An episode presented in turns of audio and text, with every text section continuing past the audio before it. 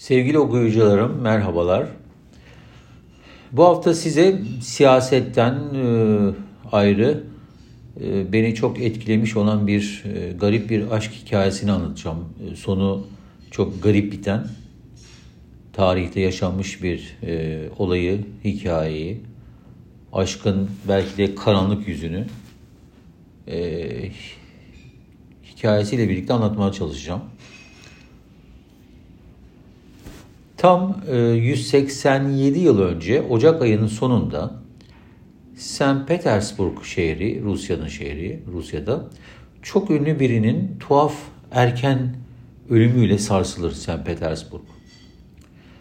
Vefat haberini duyan Rus halkı ölenin evinin önünde büyük bir protesto gösterisi yapar. Zaten yönetim zorluğu içinde ve halkıyla sorunu olan otokratlığı ve tutuculuğuyla tanınan Çar 1. Nikolay, ayaklanmanın bastırılması için emniyet güçlerine emir verir ve cenazeyi kiliseden hemen çıkartıp merhumu doğduğu köyde alelacele toprağa verdirtir. Böylelikle ayaklanmada bastırılır. Rus halkı kendisini anlayan ve sorunlarını yüksek sesle dile getiren, aslen soylu bir aile mensubu ve burjuva kökenli büyük bir destekçi destekçilerini kaybetmenin üzüntüsüyle zorlu hayatlarına devam etmeye çalışır. Kahramanımız sadece 37 yaşında hayata gözlerini yuman dönemin en ünlü Rus şair ve yazarı Alexander Sergeyevich Pushkin'dir. Daha çocukluk yıllarında Yunan Latin klasiklerinin yanında Voltaire ve Rousseau gibi özgürlükçü ve aydınlanmacı Fransız yazarlarını okuma olanağı bulan Pushkin, aile kökenlerine rağmen Rus yönetimine karşı çıkan asi bir edebiyatçı olarak ünlenecekti yaşamı boyunca. Pushkin Ölümünden sadece 8 sene önce yüksek rütbeli bir Rus subayının güzeller güzeli kızına Natalya Goncarova'ya sırılsıklam aşık olur.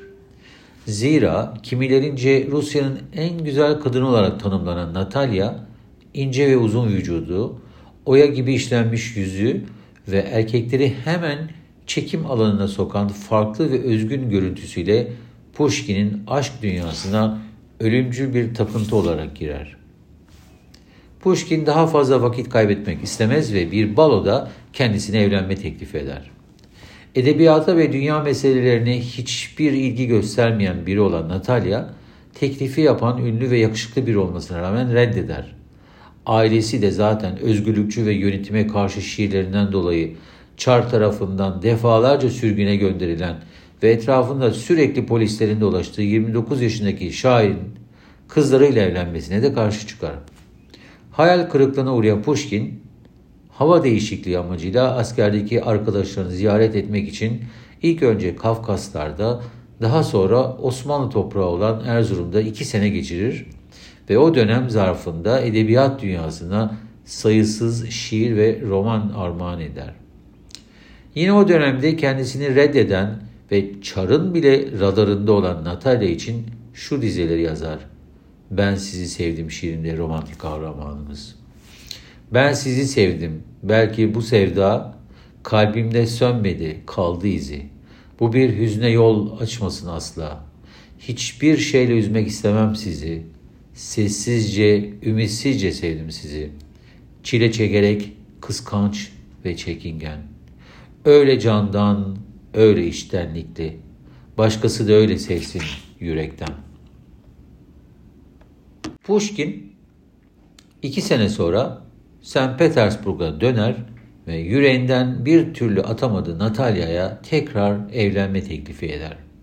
Pushkin, Çar Nikolay ile görüşüp kendisinin Rus polisi tarafından eskisi kadar izlenmeyeceği sözünü alınca kızın ailesi bu evliliğe olur verir ve Natalya'nın istekli olmadığı görülse de istivaç gerçekleşir. 6 yıl içinde tam 4 çocukları olur.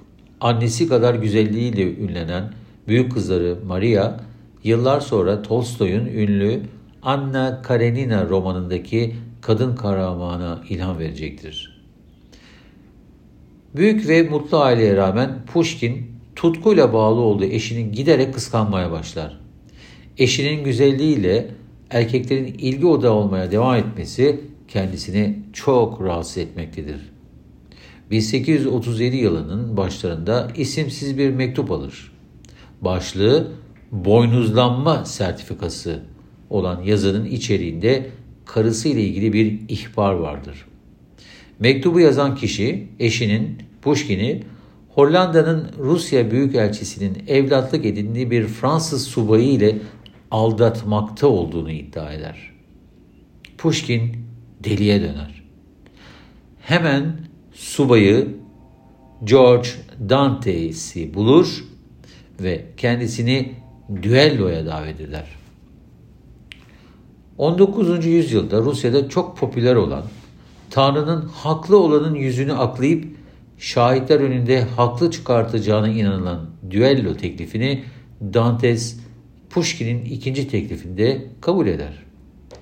Resmi olarak yasak olmasından dolayı düello sabahın St. Petersburg'unda sabahın en erken saatlerinde ve şehrin görülmeyen bir yerinde planlanır şahitlerle birlikte. O güne kadar defalarca düelloya girmiş olan Pushkin zaten ölümle noktalanan düelloya pek rastlanmadığı için kendinden emin bir şekilde düelloya katılır. Ancak Dantes'in kurşunu karnına isabet eder ve ağır yaralanır.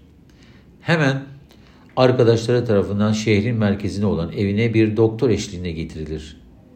İki gün sonra ise hayata gözlerini yumar Pushkin. Ölüm döşeğindeyken de Çar ile temasa geçer ve kendisinden ailesine sahip çıkılacağı sözünü de alır. Pushkin sadece 37 yaşında en verimli çağında tutkusu olduğu eşini kıskanması sonucu girdiği bir bunalım anının yarattığı düello kararının kurbanı olur. Karısı da mahvolur ve doğduğu köyüne kaçar. Dantes ise Çar Nikolay tarafından ordudaki görevinden atılır ve Fransa'ya döner. Boynuzlanma hikayesinin ise gerçek bir ilişkiden öte Dantes ile Natalya arasında birbirleriyle olan romantik Fransız romanları alışverişinden öteye gitmediği de anlaşılır. Ancak düelloya kadar olan sürecin Çar tarafından halkın sevgilisi, özgürlükçü Pushkin'den kurtulmak adına çok iyi planlanmış bir komplo olduğu da ileri sürülür. Tarih bilinmezlerle dolu. Öyle veya böyle edebiyatın altın çocuğu Pushkin aşkına olan takıntısını hayatıyla ödemiş olur. Belki de tarihin en tuhaf aşk hikayesinin finalini de kendisi yazmış olur. Sevgi veya aşk ikilinin birbirlerini tamamladıkları ve hayata birlikte şeffaflık içinde güzellik ve umutla baktıkları oranda anlamını bulmakta. Pushkin'in St. Petersburg'da öldüğü evde yaralıyken yattığı kanepedeki bugün bile duran belli belirsiz siyah kan lekeleri aşkın karanlık tarafı için herkese mesaj veriyor aslında. Asıl olan yaşamaktır zira. Birbirlerini ölümüne değil, yaşamına sevenlerin sevgililer günü kutlu ve daim olsun.''